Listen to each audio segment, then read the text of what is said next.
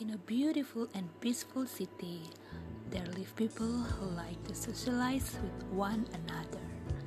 They enjoy working together and helping each other. Their children also like to play and learn together. This city is called Shalom.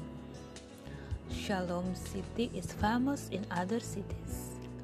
Many people visit the city of Shalom because of the natural beauty and the people are very friendly. But suddenly something came to the city. A strange thing. A thing that if they touch it, something bad will be happen to their body.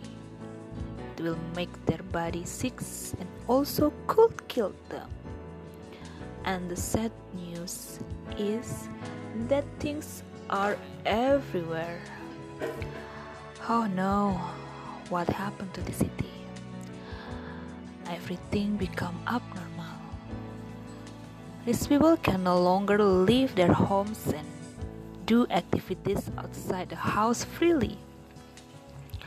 Every time they leave the house, they must protect themselves and keep their distance from each other when they meet people. And now, no more people from others place visit to Shalom City. The city has become quiet place. The people also have to clean themselves often to keep them safe because the things are not visible to their eyes. So they have to be careful. Oh God, what exactly happened to the city? They ask each other silently, but they also don't know the answer yet.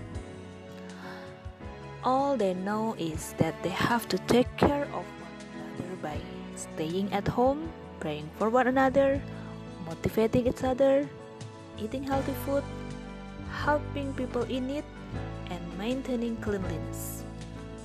So, stay happy, healthy, and productive at home. This is their mottos.